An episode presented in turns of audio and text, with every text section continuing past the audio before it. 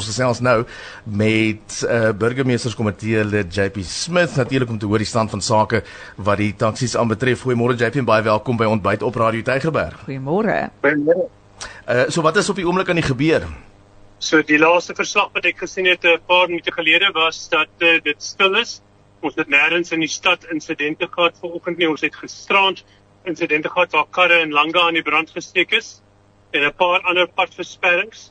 Maar gister was meerendeel stil en vanoggend was uh, ook stil. So ons het nie uh, veel insidente gehad nie. Ek dink die hofinterdikte is ook besig om 'n impak te maak en uh, hooplik sal dit vandag uh, redelik stil en um, incidentvry bly. Ons het later weer 'n gesprek met uh, Santaco om te kyk of ons 'n uh, ooreenkoms kan bereik.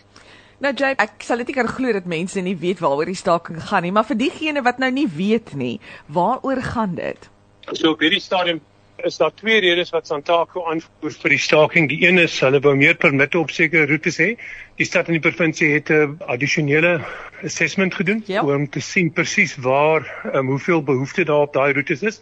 En as 'n gevolg daarvan is omtrent 6000 dink 6700 permitte het hulle vir my gesê um addisioneel beskikbaar gemaak 700 is op die stelsel gesit oor die 300 van daai is nog nie afgehaal nie. Okay. So daar is um die die dringendheid wat die bedryf daarvoor gee lyk nie of in praktyk dit so dringend is nie. Die tweede saak wat seker maar die regte saak is saam met 'n paar ander redes wat ek dink nie op openlik aangevoer word nie soos die kompetisie met ander uh, dienste soos die busdienste hmm. en die verskoning om die staking te gebruik om ander competitors uit te brand maar die die openlike rede wat aangevoer word is die die skit van voertuie die nasionale uh, wetgewing die National Land Transportation Act sê dat ons voertuie mag skit vir 'n verskeidenheid van redes. Ons gee omtrent 50 keer meer boetes as wat ons skit. So vir elke 50 boetes wat ons uitreik vir 'n taxi, skit ons een en dit is meestal of dit is almal vir ernstige oortredings vir goed soos aan die uh, ry in die aankomende verkeer slaan, op sypaadjies ry, op die skouer van die pad ry, um, en sulke soort oortredings en die taxi-bedryf het sê dit is onredelik.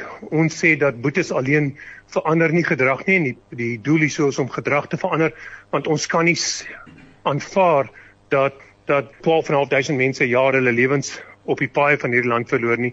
Ons moet almal iets doen om dit te verbeter. Mm -hmm. Ek, ek dink jy gaan regtig uh, vir my akkuraat die volgende vraag kan antwoord nie, maar daar is boodskappe wat versprei word dat daar groot ontwrigting ook môre gaan wees. Is daar enige beduidende redes waarom mense so iets moet glo of dink dis daar's waarheid daarin? Is moeilik om te bepaal wat waar is en nie waar is nie, maar daar's soveel hoax messages wat rondgaan wat paniek probeer saai en ek weet nie of dit opsetlik is nie, of dit maar net mense wat elkeen iets wil bylas nie, maar dit begin voel asof daar gekoördineerde poging is om paniek te saai hmm. en ons het vir mense gevra as jy nie self iets weet vir 'n feit nie, moet dit nie aanstuur nie. Ja. Moenie uh, uh, slegte mense help met hulle bedrywe nie as jy self nie iets vir 'n feit weet nie moet dit nie aanstuur nie. As jy dit nie self gesien het of dit kan self bevestig nie, moet dit nie aanstuur nie want jy het geen manier om te bepaal of wat jy aanstuur enige geldigheid het nie.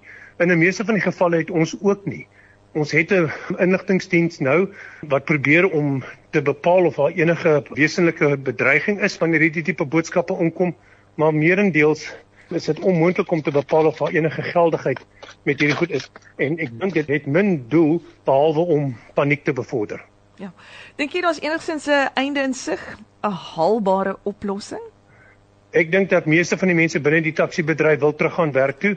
Daar's van die senior mense in daai bedryf wat my direk bel en vir my sê hulle is nie gelukkig met wat die um, leierskap doen nie en wat vir ons inligting gee oor van die aanvalle en die goed waarmee die wat die leierskap beplan wat ons help om voor te berei.